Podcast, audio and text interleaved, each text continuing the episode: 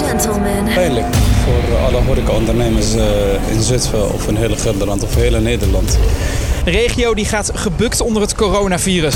Zoals de Franse president Macron zei, we zijn in oorlog, maar de vijand die is onzichtbaar. Dat moet raar zijn op maandagmiddag in een leeg lokaal. Ja, dat is zeker heel erg raar. Dat zijn we niet gewend. En naast corona gebeurde er nog heel veel meer. Ja, er zijn vier mannen uit Frankrijk gekomen naar Nederland om uh, een man uit de gevangenis in Zutphen te proberen te bevrijden.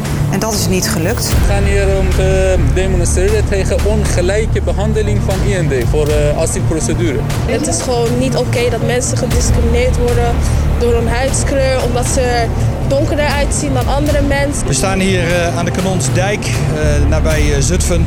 En achter ons woedt een zeer grote brand. 2020 leek op een boek van Stephen King.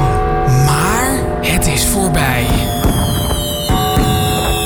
Wat we besloten is om dit jaar dus geen vuurwerk af te steken in Nederland. Oh ja, uh, sorry, even vergeten. We are ready to start. Lokaal Gelderland Talk Radio. Happy New Year. 2020 laten we achter ons. Een jaar vol met, tja, vooral corona. We hebben je ook dit jaar met liefde en passie op de hoogte gehouden van het nieuws uit jouw buurt. En dat hopen we ook in 2021 weer te mogen doen. Wij weten wat er speelt en brengen dat over in tekst, video en audio. Lokaal Gelderland is er voor jou. Gelukkig nieuwjaar. You're listening to your local radio.